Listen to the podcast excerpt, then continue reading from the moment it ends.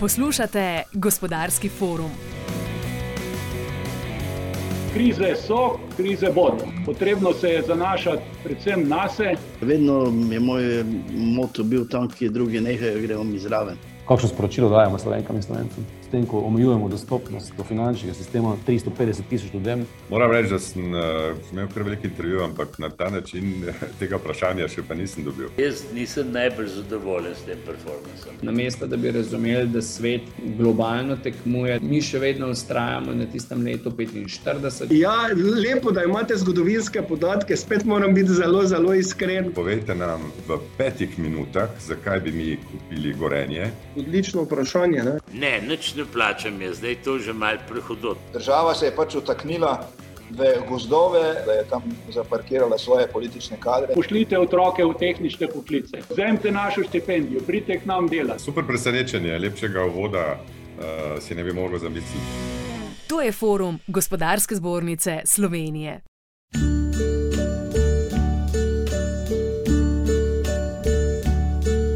And now end is near, and so I face the final curtain.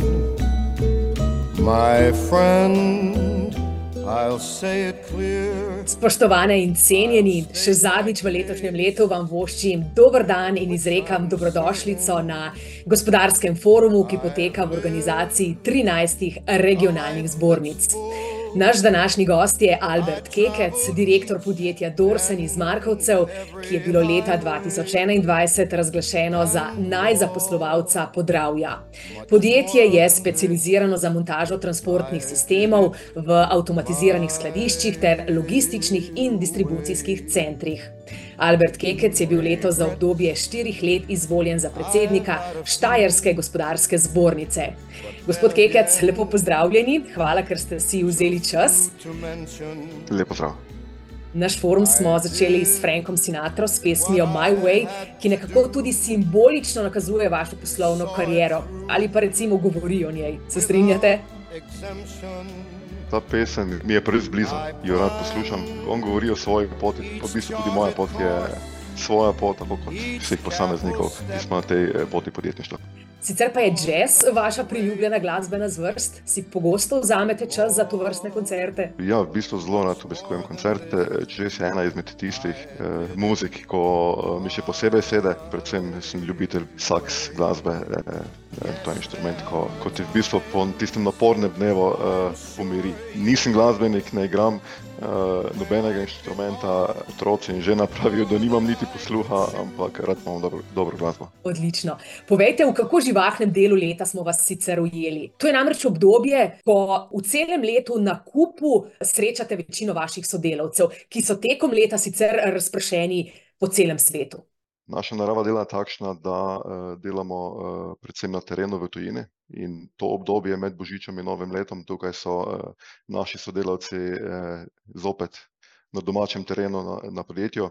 Z nekaterimi sodelavci se skoraj čez leto v živo ne srečamo in pol te trenutke ob teh praznikih v bistvu izkoristimo tudi za to medsebojno druženje. Na dogodku Marketinški klicaj na Ptuju ste pred časom povedali, da ste se v mladosti lotevali številnih drznih projektov. Zaupajte nam, kateri so bili ti projekti in kakšne izkušnje ste pridobili z njimi. Nekako mi delujete tak zanesljiv uh, tip moškega in gospodarstvenika in ne bi vam pripisala pretirano drznih projektov, takih, kjer, lahko, uh, kjer imaš veliko na tehnici, pa lahko dosti izgubiš. Ali se motim? Uh, no, hvala za kompliment, ampak uh, ja, uh, eno je tisto, ko, ko prideš v posel kot mulj, brez strahu, brez ovir, uh, svet je pred tabo, v bistvu ne boje meja. Ja. Jaz sem pričel v bistvu svojo poslovno pot še kot študent, to je bilo pred uh, dobrimi 25 leti, v enem drugačnem obdobju, kot je sedaj, takrat, v, ko sem jaz uh, stopil iz faksa, to je bilo tam v 90-ih letih uh, po zaključku. Uh, študija na strojništvo kot mlad bodoči inženir v okolje, kjer je v bistvu bilo gospodarstvo, predvsem tukaj na Štajerskem, pa tudi drugod po Sloveniji, tako rekoč na psu. Velika podjetja, veliki sistemi iz moje primarne panoge so se zapirali, mi smo takrat imeli, vem, zaključek zgodbe od Tama, Metalna in podobno. Iskreno povedano, na trgu je bilo starih inženirjev, starih mačkov, kolikor si je kdo želel. Se spomnim enega kolega, ko mi je rekel: "Takrat raje bi šel za natakarja kot pa strojništvo, bi imel vsaj posel." Imel sem eno srečo, da sem preko študentskega servisa pristal na podjetju KD Group in sem nekako bil sprejet v to ekipo kot čisto začetnik, deklica za vse. Skozi to zgodbo sem pristal na eni izmed borznoposredniških hiš, sem se srečal z z vrednostnimi papirji, in skozi to sem v bistvu začel spoznavati mogoče eno še drugo širino, ne samo iz te moje primarne stroke. Zanimivo je, da ste v obdobju petindvajsetih let zasedali različne vodstvene položaje. Kot direktor, kot član uprave ali pa kot predsednik nadzornega sveta. Zdi se, da vas manj kot to ne zanima. V bistvu to mogoče bil tudi splet okoliščin. Takrat, ko sem jaz deloval v sklopu borznoposredniške hiše, sem odprl že tudi prvo svoje podjetje, sicer še kot študent, dokaj neveden, tako da so me pol čez eno par mesecev takrat še iz SDH-ja poklicali, so rekli: "Ja, gospod, vi ste tukaj vpisan kot direktor, imate pa status študenta, vi morate biti zavarovani." Ampak tako v bistvu korak po koraku spoznavaš ta podjetniški svet.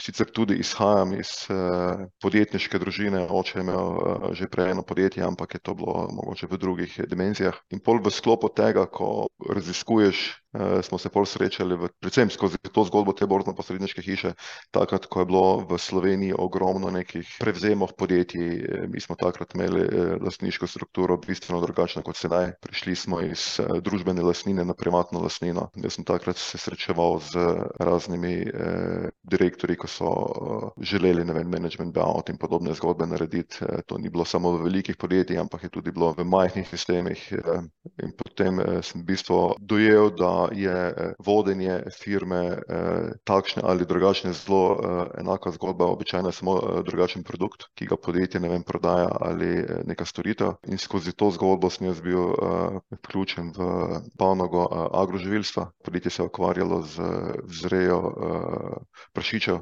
A res? Ja. No, tega pa nisem zasledila v medijih, zanimivo. Ja, saj je mogoče dobro, da vsi vsega ne pišejo. Pol smo to podjetje prodali. Tako sem v bistvu prehajal iz poslovne priložnosti v poslovno priložnost, meni je bilo vodilo analiza panoge, da dobro poslovno idejo, ker dobrih poslovnih idej je veliko, ampak relativno malo je realiziranih.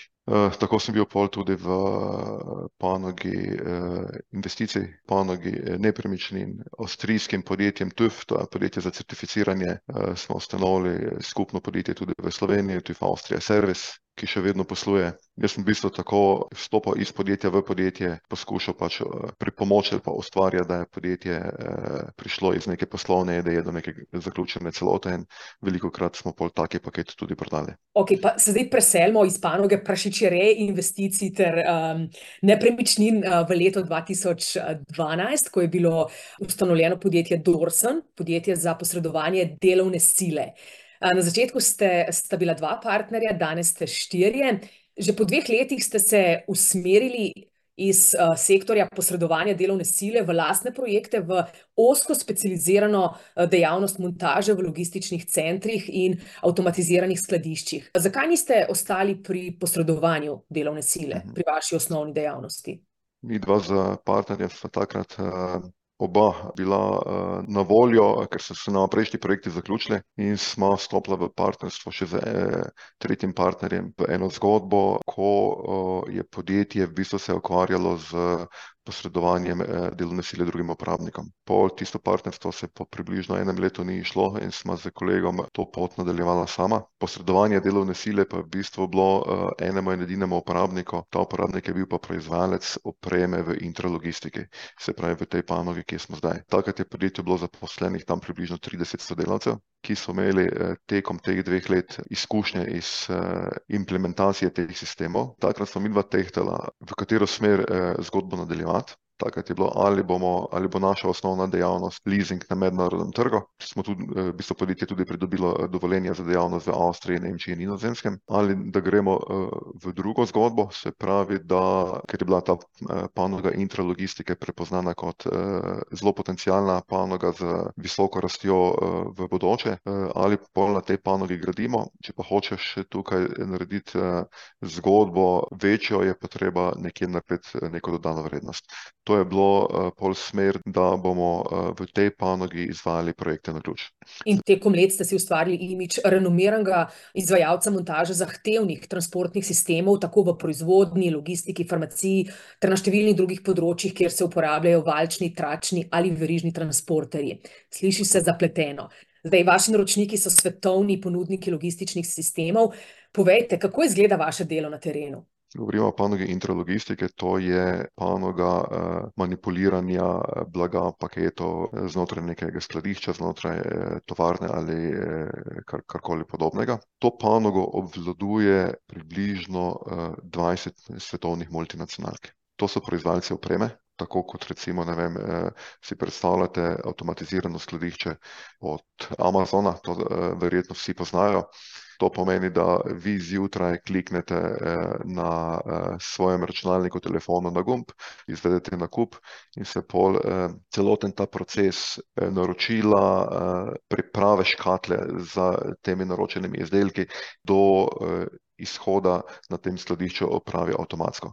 naša vloga pa je, da te sisteme, to opremo spravimo v življenje. Proizvajalci te opreme, to so naši naročniki naših storitev, oni to opremo nekje proizvedejo. Implementacija tega pa je pol po celem svetu in ti te opreme ne moreš kupiti, ti ne moreš avtomatiziranega skladišča kupiti v, v kosu, da bi ti ga nekdo pripeljal in zagnal z nekim gumbom, ampak je to v tako rekoč v rinfuzi in pride ta oprema s kamioni, s kontejnerji na neko pozicijo in pol jo tam je potrebno sestaviti, povezati mehanske komponente, jih vžičiti z, z elektriko, dodati to informatico, eh, sensorico in na koncu se tukaj zažene. Vso to montažo izvajate z lastnim orodjem pa opremo? Seveda, to je implementacija na ključ, z z našim znanjem, pod našim vodstvom, z, z našo opremo v celoti. In to je tisto, kar velike stranke zanima, ne prodajamo samo storitve in implementacije te opreme, jim prodajamo varnost, se pravi varnost in sigurnost, če bodo storitve naročili pri nas, nimajo z implementacijo težav in to je obojestransko zavedanje med naročnikom in nas kot izvajalcem. Omenili ste dvajset multinacionalk, se pravi od teh dvajset multinacionalk, ki so v svetovni špici v panogi, vi sodelujete s kar enajstimi. komplimente. Kaj opažate v praksi, kaj se danes dogaja z velikimi sistemi? Verjetno se pospešeno digitalizirajo, optimizirajo in najbrž ima pri tem vedno močnejšo in pomembnejšo vlogo tudi umetna inteligenca. Sigurno, ampak to je le en del, tisto podjetje, ko ne bo delalo na avtomatizaciji, na optimizaciji, bo verjetno postalo nekonkurenčno. Tudi umetna inteligenca je v to vključena, ampak ene stvari pa še vedno roboti in umetna inteligenca ne bo znala narediti.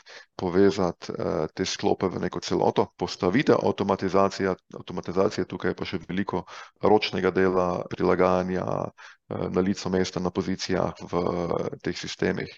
Tukaj mi vidimo, da imamo še kar svetlo prihodnost. Je pa v teh skladiščih in logističnih centrih še vedno merilo uspeha število paketov na minuto? Še vedno. To je tako recimo, kot če pogledate star računalnik, ko smo ga imeli pred dvajsetimi ali pa desetimi leti, ko je bila toliko pa toliko bitov na minuto ali pa toliko pa toliko prostora, ali pa če pogledamo pretočnost interneta, tako je tudi v skladiščih, zato je tudi življenjska doba teh skladišč relativno kratka, tam po deset, petnajst let star sistem je že zastarel, ker so nove tehnologije, nove pretočnosti, v bistvu pa to narekuje trg. Ste že omenili ta pospešek, ne, vi ste eden tistih podjetij, ki se uvrščajo v kategorijo pandemskih zmagovalcev. Mislim, da ste leta dva tisoč enaindvajset ali dvaindvajset vaš dobiček povečali za kar triinsedemdeset odstotkov, kar je tudi podatek, ne. Ta korona je naredila pospešek. Navade ljudi so se spremenile. Mi smo hodili po sestankih po celi Evropi pogosteje kot zdaj. Zdaj se priklopiš preko Zooma ali Teamsov in narediš sestanek kjerkoli, kadarkoli, z komerkoli, za bistveno nižje stroške. Ali ste imeli delo od doma, vi uveljavljeno v vašem podjetju tudi pred pandemijo? Ali je bil tudi to eden izmed teh preskokov, o katerih govorite? Mi v bistvu delo od doma nismo prakticirali, razen izjemoma prej. Smo pa zaradi narave dela, ker so vseeno kolegi v večji meri v tujini in morajo imeti neko komunikacijo, imeli infrastrukturo pravi čas pripravljeno, da nam delo od doma ne predstavlja zdaj nobene težave. Delujete v skoraj tridesetih državah Evrope in sveta.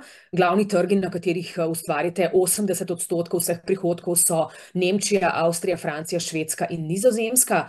Medtem ko ste doma, v Sloveniji, prisotni manj kot en procent. Zakaj je temu tako? Mogoče vaša dejavnost v Sloveniji zveni kot neka zelo ozka tržna niša, ampak v bistvu gre pa za izjemno velik trg v svetu. Panoga intralogistike je zelo velika. Ena analiza je bila narejena pred dvema letoma, se pravi analiza panoge v, med letom dva tisoč dvajset in letom dva tisoč trideset.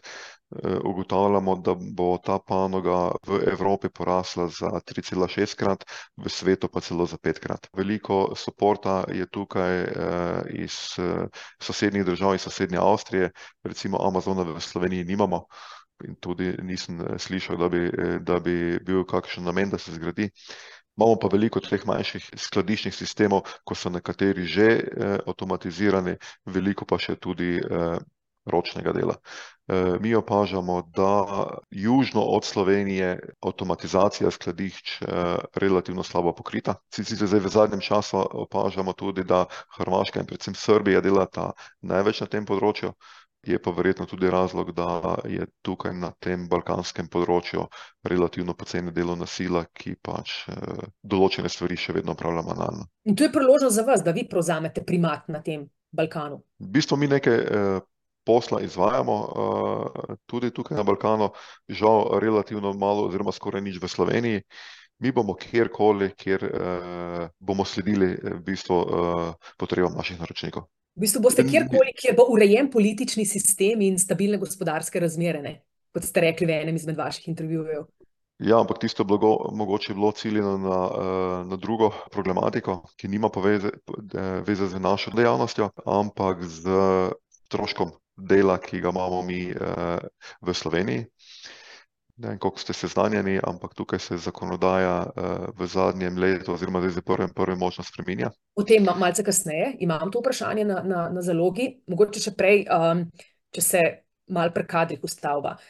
verjetno je dandanes, malo prej ste omenili, da delavec je tisti, ki danes narekuje tempo posla. In verjetno je danes večja težava kot to, kako dobiti posel, vprašanje, kako zagotoviti kakovosten kader za njegovo izvedbo. Kaj se je pri vas spremenilo, ko ste ozavestili, da ne delate s stroji, ampak z ljudmi? Mi smo v bistvu v osnovi storitveno podjetje. To pomeni, da je glavni člen je človek, ki to storitev opravi.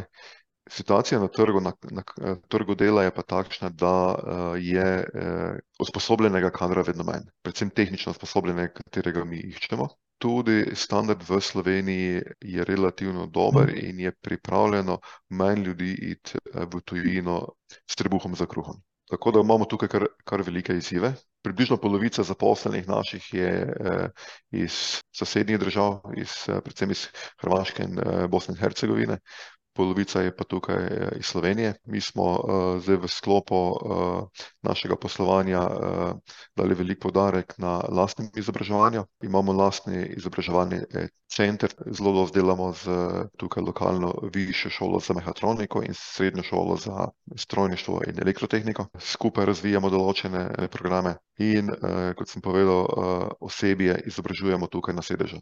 Edino to je lahko naša konkurenčna prednost, tehnično usposobljen kader. Sicer pa zaposlene privabljate tudi s socialnimi omrežji, kot ste omenili, imate lastne procese mentorstva, veliko delate tudi na promociji zdravja na delovnem mestu. Vsaka ekipa pa dobi na projekt tudi zabojček jabolk. Poleg tega pa imate tudi redne team buildinge, piknike, različna druženja, tekmovanja. Mislim, da ste nazadnje tekmovali v odbojki. Zelo se trudite poudariti ta neformalni vidik službe, ne. Ja, to, to je v našem podjetju kar izziv.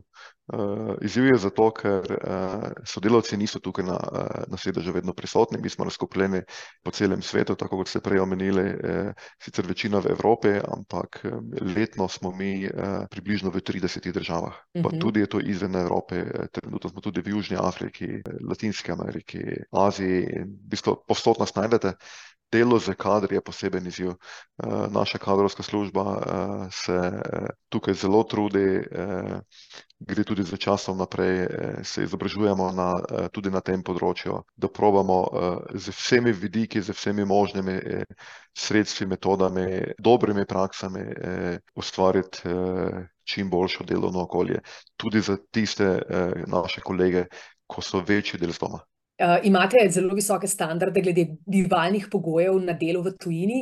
Čas bivanja vaših zaposlenih je odvisen sicer od projektov, ampak si prizadevate, da ne bi trajal več kot štiri tedne, in potem, ko se vrnejo domov, sledi uh, enotedenski premor doma. Ne? V bistvu to je eh, naše vodilo, vedno temu ne moremo slediti tako, ker je projekti so živa stvar. Približno uh, na štiri tedne so sodelavci v povprečju za en teden doma. Je pa zanimivo, da imate zelo malo žensk na terenu. Ne? To je izrazito moški posel. Zelo radi smo v, v mešani v ženski družbi. Se, če boste prišli kdaj na obisk k nam na podjetje, boste videli, tukaj je pa bolj kot ne ženska ekipa. Ja, ta posel uh, je pa dejansko uh, bolj moški kot ženski. Ženske si tudi uh, mogoče težje uh, otrgajo, da gredo v družine. Mogoče, ampak zdaj veste, moški vejo, kje jim je mesto zdaj, tako da to ne bi smel biti problem.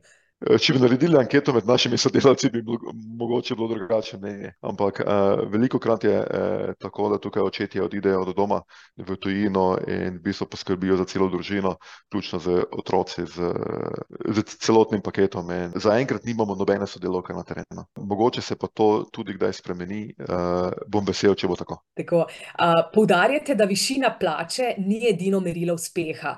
Čeprav zagotavljate nadpovprečno visoke plače, pri vas no, pa so še vedno ključni odnosi, pa medsebojno spoštovanje, ne, ta zaupanje, pa transparentna komunikacija z zaposlenimi. To isto svetujete verjetno tudi drugim podjetjem. Ne? Vprašali se moramo, zakaj hoče biti uh, nekdo zaposlen na katerem koli podjetju.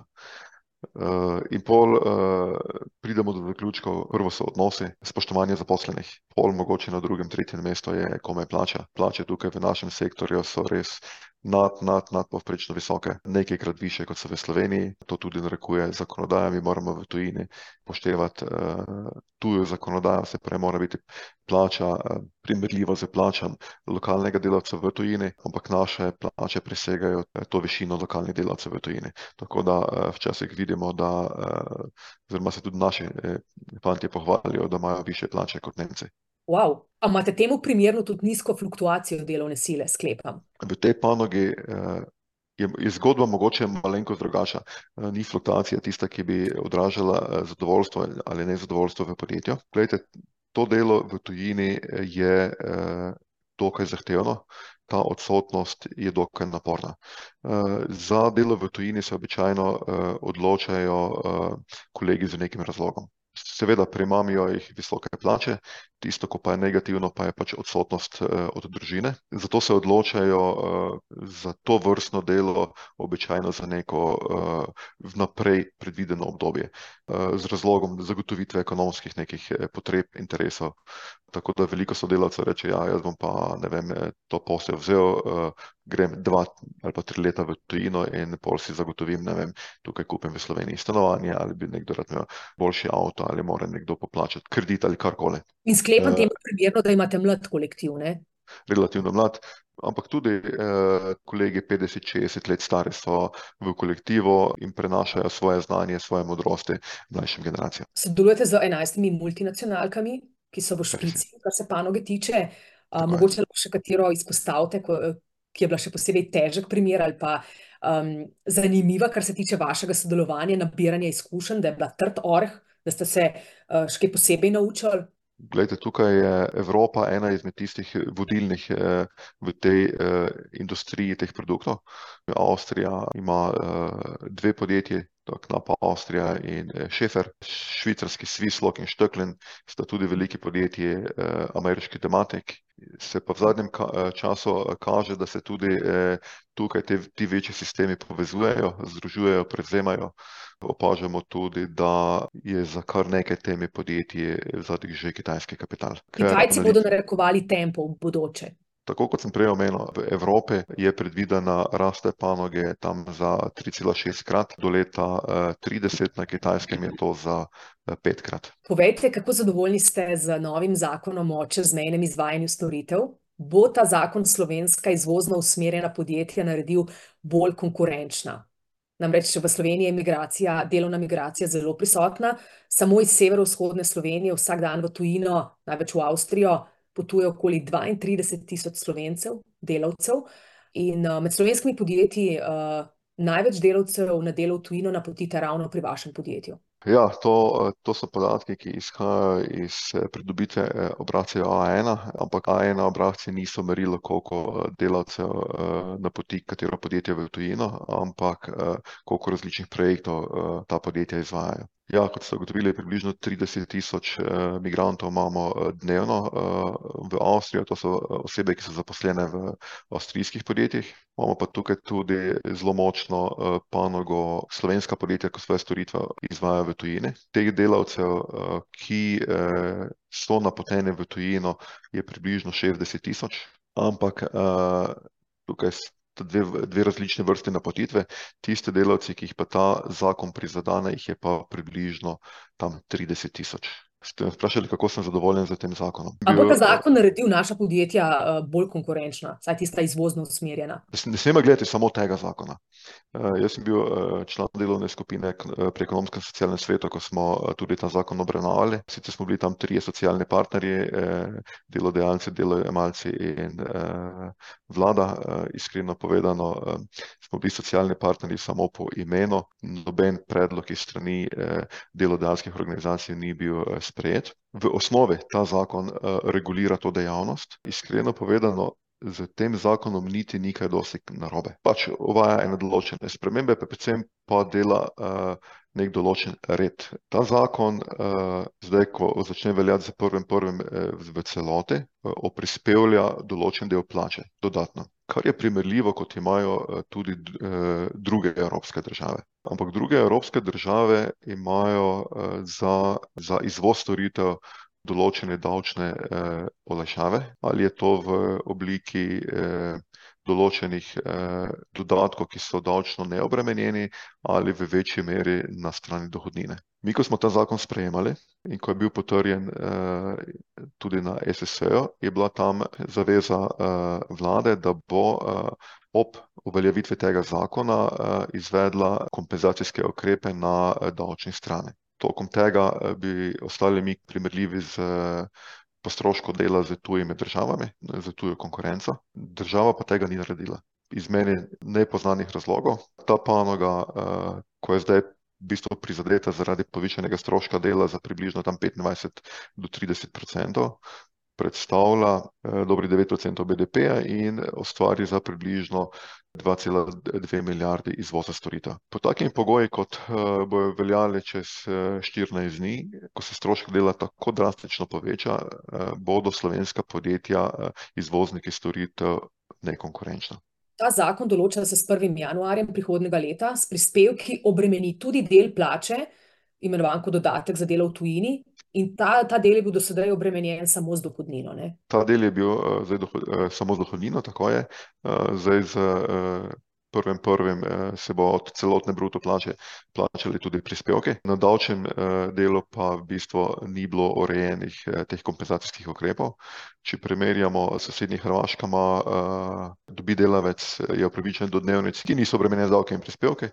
Recimo, ne vem, v sosednji Italiji imajo en model, ko delavec tudi upravičen do dnevnic, pol pa ima še približno petdesetprocentno davčno olajšavo. je treba razumeti, naši delavci gredo na teren z uh, izhodiščem, eh, koliko bojo dobili konec meseca na račun. Uh, mi tem napotenim delavcem niti ne moremo dati dnevnice, ker jim v skladu z našo zakonodajo ne pripada. Tudi če je napotitev daljša od 90 dni, se jim nočitev smatra kot boniteta. To smo unikum v Evropski uniji in zato mora podjetja, če hoče, da delavec dobi pol na koncu neko neto izplačilo, plačati zelo, zelo visoko bruto plačo in to je nepremerljivo z tem, kar more izplačati recimo hrvaško ali pa avstrijsko podjetje svojemu delavcu. Mi smo uh, zadevo analizirali in ugotovitev je takšna, da bomo mi po prvem prvem za približno 20% dražji od kolegov iz sosednjih držav. A menite, da je čas za izenačenje položaja delavcev v zasebnem in javnem sektorju?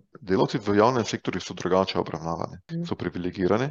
Delavci v javnem sektorju uh, plačujejo tudi pa tisti, ki so napoteni v tujino, ali je to vem, v sklopu veleposlaništva ali ki, vsi, v bistvu iz javnega sektorja, polne prispevke na, na plačo, ampak dohodnino plačujejo samo od dela plače v Sloveniji, delavci v gospodarstvu pa morajo to plačati od v bistvu celotnega zneska in to je neenaka obravnava delavcev. Tukaj tudi mi v sklopu gospodarske zbornice bomo uh, strmeli k temu, da bomo verjetno šli v, v kakšno postavno presojo. Načkaj optimistično ne zvenite, kar se prihodnosti tiče. Ne, uh, ne morem uh, biti glih čisto optimističen, ker se ta zgodba ni končala tako, kot smo predvideli, da se bo. Žalosti me pa, ker tudi vidim pri naših članih v Štajerski gospodarski zbornici, zelo veliko članov je že v teh panogah izvajalcev čezmejnih storitev pričelo aktivnosti v tujini. Se pravi, da selijo uh, zaradi uh, velikih davčnih obremenitev, uh, zaradi zelo nepredvidenega poslovnega okolja svoje poslovanje v tujino. A imate kakšne gasa v rokavu, s katerim še lahko um, vlado stisnete v kot? Mislim, da bo to morala vlada uh, prepoznati uh, sama. Mi smo uh, prezentirali uh, zelo veliko analiz, vsi podatki kažejo zelo slabe scenarije za naprej, ampak žal imamo to, kar imamo. Ta vlada očitno ne razume izvoza, pomena prihodkov iz tega naslova. Če se podjetja selijo v tujino, je to zelo, zelo slab signal. Neposredne tuje investicije v Sloveniji so se zmanjšale. Ta podjetja so plačevala zelo, zelo velike davke v preteklosti. Generator gospodarstva so dobra podjetja. Dobra podjetja v Sloveniji, ki eh, so primerno davčno obremenjena. Ampak kapitala je včasih je, je težko zdržati. Kapital gre, eh, se seli in to se kaže tudi tukaj in to bo zmanjšalo tudi te eh, socialne eh, prispevke, eh, te privilegije, ko jih eh, sedaj imamo je treba razumeti, če bo ta vreča, v katero vsi dajemo prazna, eh, tudi ne bo kaj eh, iz nje zavzeti. Ja. Naše vodilo je, da, eh, da strmimo k stabilnemu poslovnemu okolju, da ne spreminjamo zakonov vsako leto ali pa še celo večkrat na leto, da imamo primerno davčno okolje, da tuja podjetja privabimo v Slovenijo, ker to krepi tisto našo blaginjo, ki si jo mi želimo v prihodnje. To isto povedo vaši kolegi na ostalih gospodarskih forumih, ki smo jih gostili. Glede na povedano, ali še verjamete v zeleno transformacijo, pa v krožno gospodarstvo, tako um, idilično to zveni, no? realnost je pa čisto nekje druge. Krožno gospodarstvo uh, podpiram z vso močjo, uh, ker mislim, da je to naša prihodnost. Uh, se pravi, da mi nekega izdelka ne uh, ustvarimo, ga uporabimo in pol zavržemo, ampak da gremo v, v recikliranje, v ponovno uporabo v čim večji meri, koliko se to da. Govorite o industrijskih odpadkih, ne, ki jih je potrebno tudi, uporabiti. Tudi, tudi.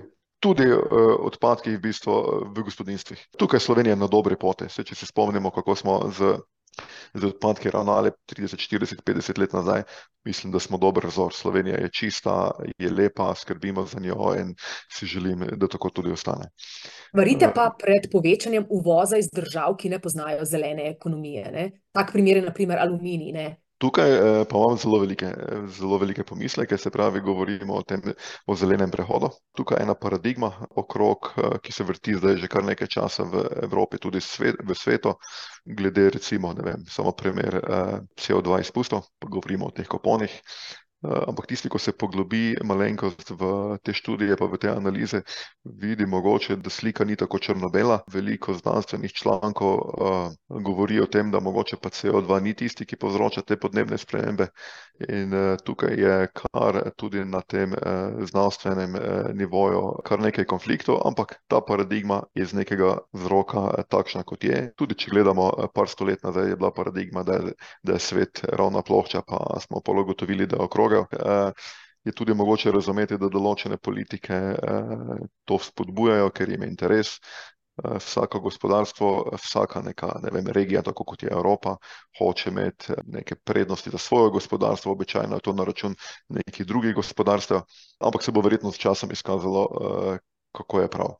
Mi smo tukaj eh, kot Evropa, eh, veliko krat pa Slovenija še bolj, bolj papežka od papeža. Prej ste omenili tovar, tovarno aluminija, mi se tukaj borimo eh, z eh, ugličnim otisom. Primer je, ko je tovarna aluminija Talom eh, v letošnjem letu ostavila eh, proizvodnjo primarnega aluminija.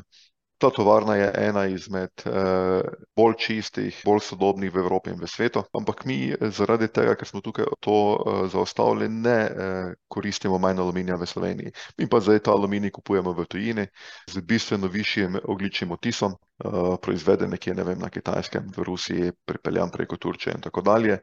In tukaj pol vidimo, eh, da spodbujamo uh, večji oglični otis ki mogoče niti ni z njim nič narobe, ne, nekje druge, pri nas pa zapenjamo, zmanjšujemo proizvodnjo, zmanjšujemo mogoče tudi razvoj zaradi tega. Vsekakor pa se delamo veliko prepovedi, ovir eh, sami sebi, kot da bi hoteli včasih nazadovati. Drugi blok jedrske elektrarne Krško, da ali ne? Vsekakor ja. Kaj pa v Sloveniji imamo? Uh, Slovenija, če hoče biti konkurenčna, uh, lahko uh, iz mojega vidika ima dve stvari. Lahko imamo relativno poceni energijo in uh, imamo z, uh, neko uh, znanje. Slovenske šole so kljub temu, da mogoče niso špice v svetu, ampak še vedno imamo uh, relativno dobro šolstvo. In naše gospodarstvo lahko temelji na, na znanju in na primerni ceni energije, in to dvoje skozi neke izdelke pač uh, spravimo skupaj, da prodamo uh, naprej. Uh, če mi jedrske elektrarne ne naredimo, teh uh, vodnih virov uh, imamo, koliko jih imamo. Bomo bolj ali manj odvisni od uh, tuje energije, ki bomo verjetno plačevali bistveno več, kot uh, bi bila to naša dodatna jedrska elektrarna, zato z velikija. Uh, veliko vlagate v lokalno okolje, um, imate visoko stopnjo družbene odgovornosti, med drugim obdarujete vrtec, pa osnovno šolo Markovci, ste sponzor nogometnega kluba, sodelujete pri botrstvu družin v okviru Zveze prijateljev mladine, kar je odlično, podpirate kulturo, ste sponzor festivala Arsana. Kaj vse to pomeni za rast podjetja njegovih vrednot? Kakšen prestiž si podjetje v narekovajih kupuje z vlaganjem v lokalno okolje? Tudi brez tega bi lahko mirno poslovali. Glede, mi smo slovensko podjetje, domače podjetje in čutimo zavezo, da delimo uh, z lokalnim okoljem. Vsa podjetja, uh, če imajo to možnost, bi morala deliti del, del sebe, del tistega, kar proizvedejo tudi uh, z lokalnim okoljem, ker s tem izkazujejo tudi pripadnost lokalnega okolja. Se pa vidi to, da tuje podjetje, tuje multinacionalke ali neke skupine, njih to toliko ne zanima. Ne? In kdo bo, če ne mi, domača podjetja. Res je. Letos maja ste bili za obdobje štirih let izvoljeni za predsednika Štajerske gospodarske zbornice. A je bila težka tekma stopiti v čevlje Romana Glazarja, prejšnjega predsednika? Uh, v bistvu nisem stopil v čevlje eh, kolega eh, Glazarja, ampak sem stal kar v svojih čevljih z eh, dr. Glazarjem, eh, doktor, eh, dobro sodelujeva. Kakorkoli, on je eh, zbornico pripeljal v zadnjih eh, skoraj 17 letih do te točke, kot je, kot je danes, je največja regijska zbornica z zelo veliko produkti. Ampak vsak mandat se nekje eh, prične in se tudi konča, tako kot se bo enkrat v prihodnje tudi moj. Ja, ampak če zdaj obrnem na pesem od Sinatra, My Way, ne? kakšna je pa vaša vizija, pa kaj bi vi želeli spremeniti uh, ali pa urediti pri zbornici, uh, kaj je glavna vizija vašega mandata? To, eh, to ni eh, zgodba posameznika. Tukaj ni soliranja, mi na zbornici smo ekipa podjetnikov, gospodarstvenikov in tudi zaposlenih na zbornici, katere glavno poslanstvo je eh, biti prva zbornica v regiji, tako kot je GZS prva zbornica v Sloveniji. Mi moramo poslušati potrebe našega lokalnega gospodarstva, zavzemati njihove interese.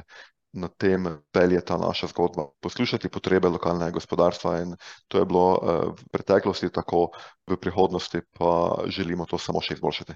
A so združenja, kot je Slovenian Business Club, konkurenca vaši gospodarski zbornici? Nikakor ne. To združenje ima v bistvu neko svojo, svojo zgodbo, ki je bistveno drugačna od zbornične zgodbe. Združuje lastnike slovenskih podjetij, mi pa v bistvu združujemo gospodarstvenike na vseh nivojih, ne glede na to, od kod je kapital. Glavno je, da je podjetje pri nas v regiji pozicionirano in skrbimo za, za vse gospodarske subjekte enako. Razumem. Mogoče še vprašanje iz našega občinstva, sicer smo pri koncu. Goran Petek, mogoče kakšen komentar, kakšna opažanja, kakšno vprašanje? Dobrodošli. Hvala, Marjana, nisi se izneverila. Zdaj moram tako povedati, ke poslušam kolega Kekca. Če bi karkoli debatiral z njim, bi padel v situacijo, da prepričani prepričuje prepričanega. Nepotrebno. Ja, hvala. ne bom se spuščal zdaj na področje odnosa do vlade in vsega skupaj, to bomo na zbornici še veliko počeli. Vendar je pa, je pa dejstvo, da bomo morali nekaterim, ki nikoli niso videli podjetja od znotraj, sprejemajo pa odločitve, na neki način zelo jasno dopovedati: "Pustite nas, da delamo." To je pa slovensko gospodarstvo zelo jasno povedalo, da to zna, tudi v težkih situacijah. Ampak da ne bom ostal brez vprašanja, od kod ime Dorsen? Tako mi zveni nekam ne blizu vaši dejavnosti. Goran, hvala za vprašanje, izvolite. Ja. Mi, ko smo se odločali za to zgodbo, smo ciljali na evropski trg, na svetovni trg. Temu primerno smo iskali tudi ime. V bistvu smo iskali takrat rešitev, da bomo imeli tudi proste domene s končnicami pika com, eu, de, in je to bilo eno timsko delo, nekaj, da se fonetično dobro sliši, da je dokaj mednarodno slišno, v bistvu je pa Dorsen nizozemski priimek. Ampak to smo ugotovili približno dve leti po tem, ko smo mi to ime imeli že zapisano in ga uporabljali. To sem mimogrede ugotovila tudi jaz včeraj, ko sem guglala vas, in se je neki nizozemski gospod nonstop pojavljal. Zgolj slučaj, tudi mi sami nismo vedeli. Mi smo takrat, ko smo bili v bistvu še čisto mičkeno podjetje, tudi nismo imeli neke zunanje agencije, da bi nam to pripravljala, ampak smo s kolegom sedli skupaj. Smo bili takrat že pri notarju, smo imeli idejo, da bi bil to Dorson, pa notar je rekel: "Ja, je preveč podobno z enim drugim podjetjem, eno črko morate spremeniti." Smo spremenili črko o v e in tako je nastal Dorsen. Okej, mogoče za konec vprašanje, koliko odrekanj in trdega dela danes stoji za podjetjem Dorsen, če pogledate nazaj?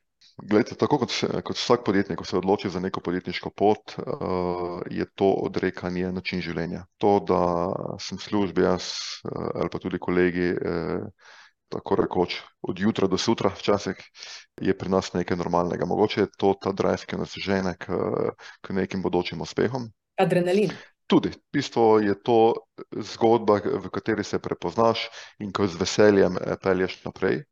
Meni to ne predstavlja bremena, pač grem zjutraj v službo, se vrnem običajno pozno popoldan ali večer proti domu. Tukaj imam zelo veliko podporo družine, to nikoli ni bilo izpostavljeno kot kakršnakoli problematika.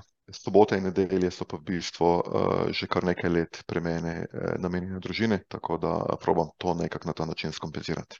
gospod Kekec, kje bo vaše podjetje čez deset let? Potem ko bo Slovenija postala druga Švica. Evo, nimam čarobne krogle, kje bo čez deset let, verjamem pa, da bo to uspešno mednarodno podjetje še naprej. Slovenija pa verjetno nikoli ne bo druga Švica in je prav tako, da nikoli ne bo druga Švica, ker smo mi malenkost drugačni. Govorim v pozitivnem smislu, mi ne smemo biti druga Švica, mi moramo biti prva Slovenija. Bravo, to ste pa odlično povedali, super za konec. Gospod Albert Kekec, iskrena hvala, ker ste bili naš gost, in en velik, velik aplavz vašemu delu, predvsem pa tudi vašim zaposlenim. Hvala za povabilo. Naj bo samo nebo vaša meja, pa tudi za vaše zaposlene. Vam želim, da v prihodnjem letu čakajo v vrsti pred vrati, da bi se zaposlili pri vas. super. Hvala, ker ste bili naš gost. Vam pa prvoščen tudi kakšen dober jazzovski koncert, mogoče že v tem letu. Se veselim.